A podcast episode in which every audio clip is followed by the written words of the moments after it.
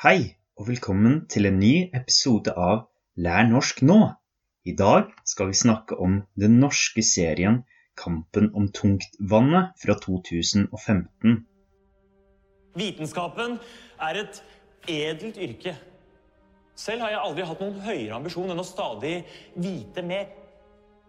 For ti år siden så visste jeg ikke at nøytroner bar på en energi opp mot to millioner elektrovolt. Og da jeg fikk vite det, så tenkte jeg at dette er det viktigste av alt jeg noen gang kommer til å lære. Men jeg tok feil. Det er nok heller det nest viktigste.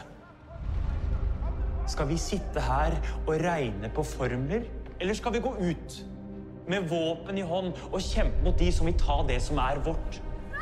Skal vi føye oss etter dem, eller skal vi bruke hodene våre? De gode hodene våre på å forsøke å sende dem hjem. Kjære studenter. Kjære vitenskapsmenn. Kjære mennesker.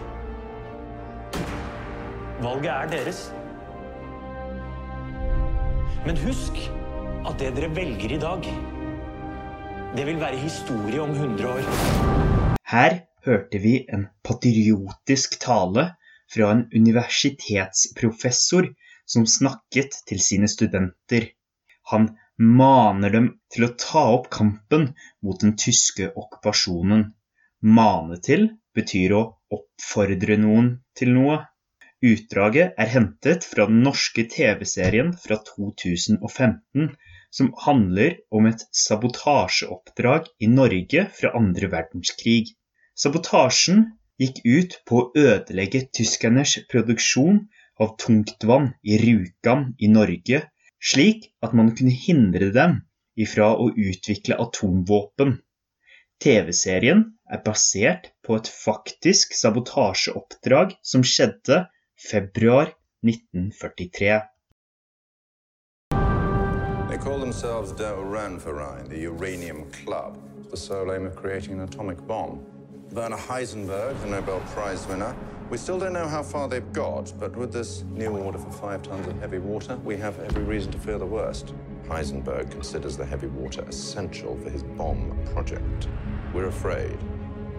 That's the reality. Meine Damen und Herren, Professor Heisenberg. Jeg synes at dette er en av de beste norske seriene man finner. Serien er svært spennende. Det føles ut som man lever gjennom hendelsene med karakterene. Hva kommer til å skje hvis tyskerne klarer å utvikle en atombombe? Kommer de til å sprenge hele Europa? Hva vil skje med verden? Nei, de allierte må gjøre alt de kan for å stoppe dem, for å unngå katastrofe. Et norsk lag får i oppdrag å sprenge produksjonen. I serien føles det ut som hele Europas skjebne ligger i hendene på fire nordmenn. Skjebne vil si noe som er avgjørende for ens liv. Destiny på engelsk. At skjebnen ligger i hendene på noen, vil si at de har mulighet til å bestemme hva som kommer til å skje. Fire nordmenn står imellom suksess og katastrofe.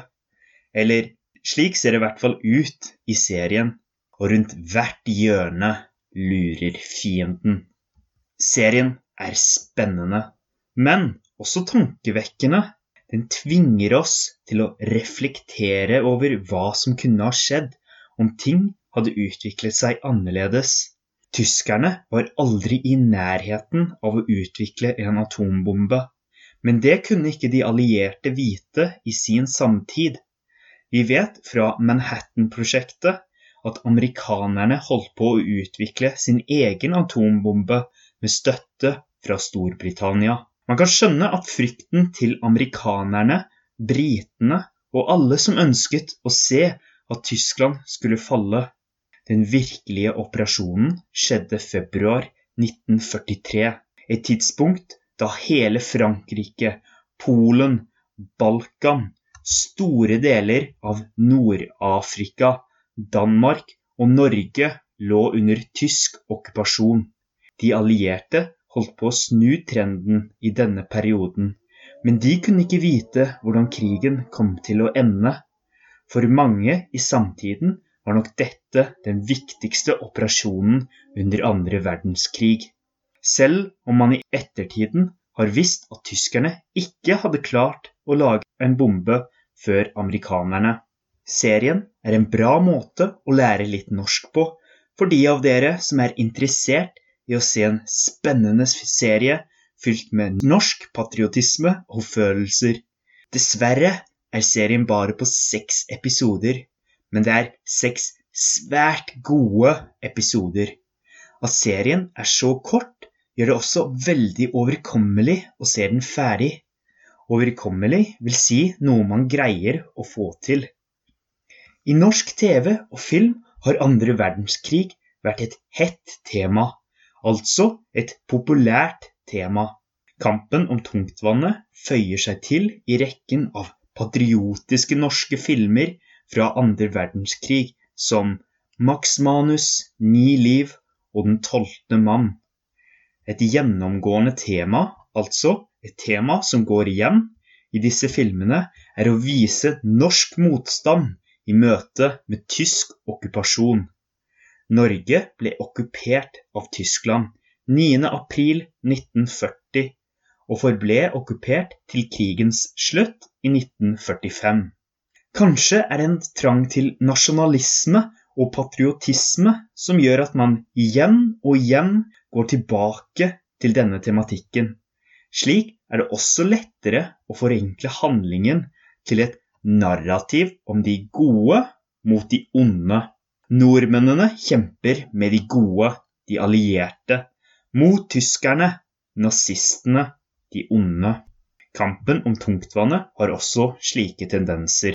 Tendens betyr tilbøyelighet altså en retning noe går mot. Serien har tendenser til en handling om det gode mot det onde.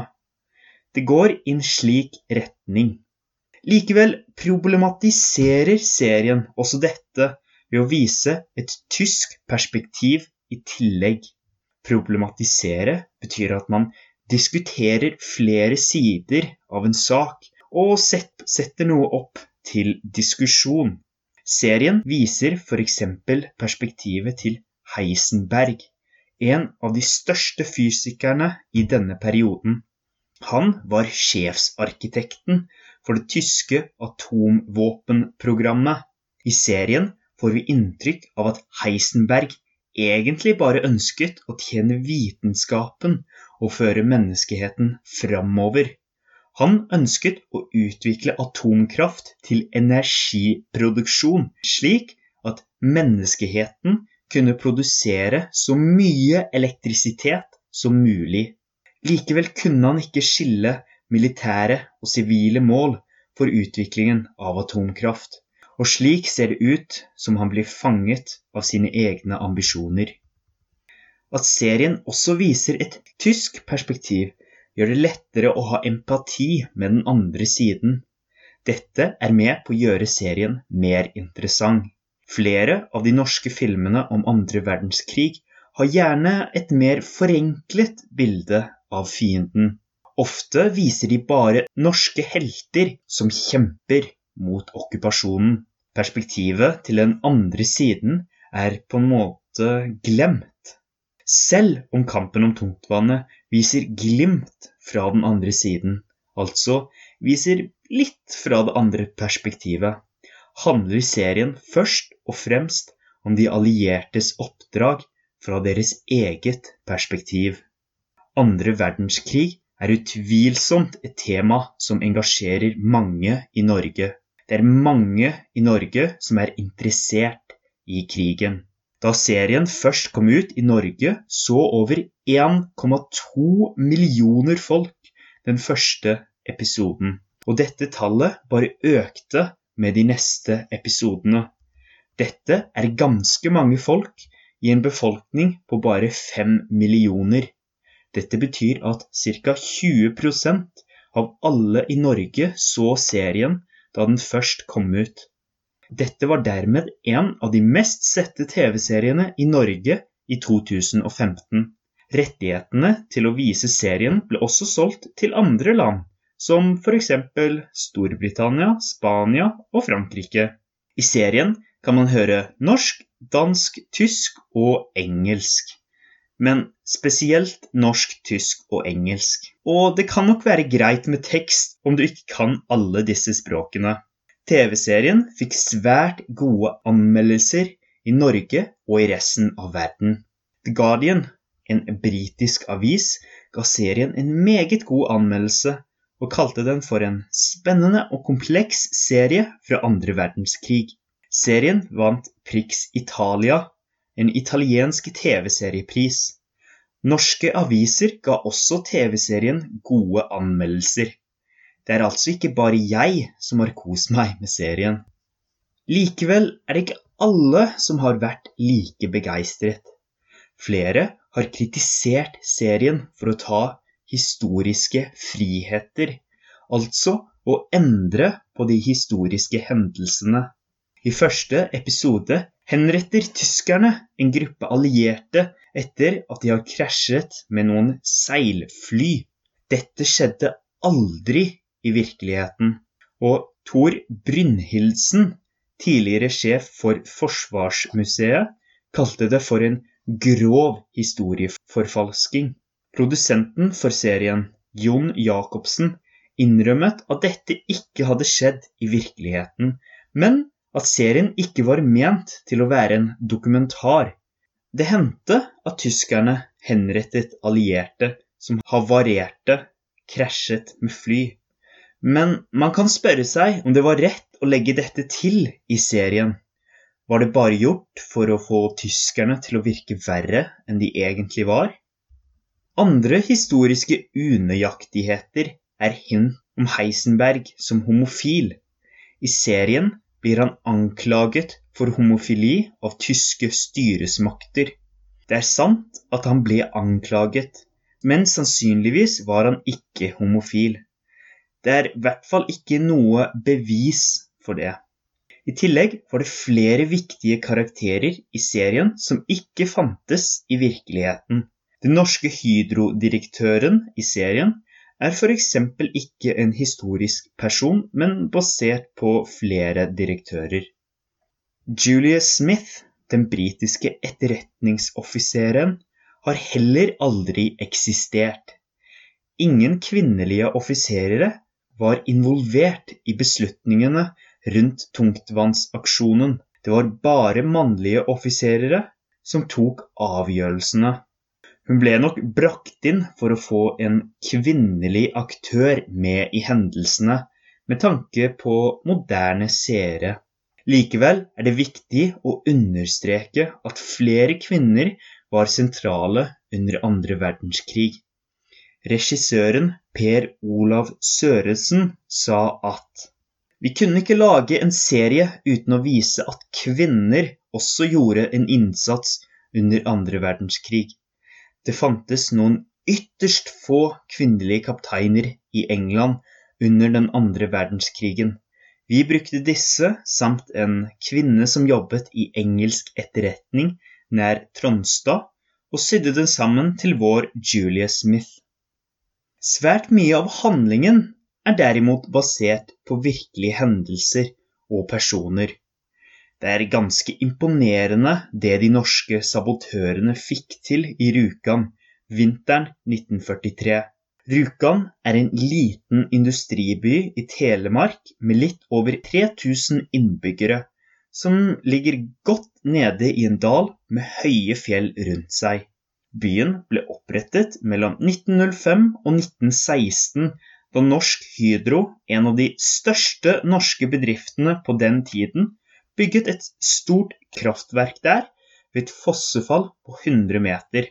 Da det ble bygget, var det det største kraftverket i verden.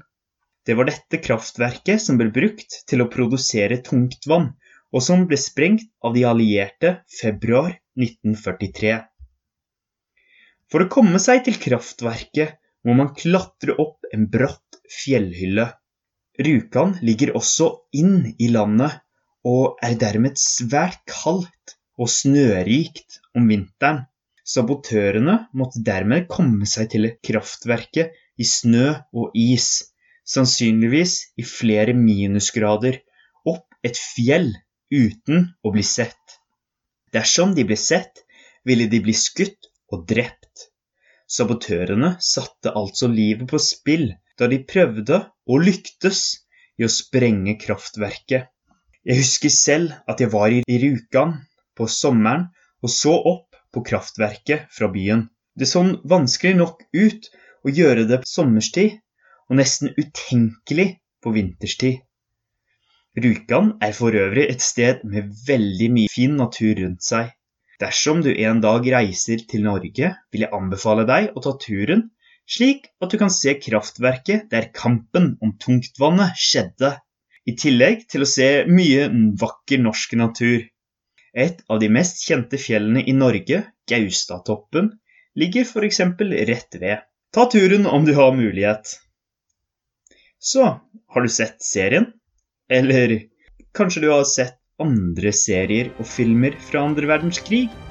Send meg gjerne en e-post til laernorskna, alfakrøll, gmail.com, og fortell meg om noen av dine egne tips til hva som finnes av TV-serier og filmer fra denne perioden. Ellers vil jeg bare ønske deg en riktig god dag videre. Ha det bra!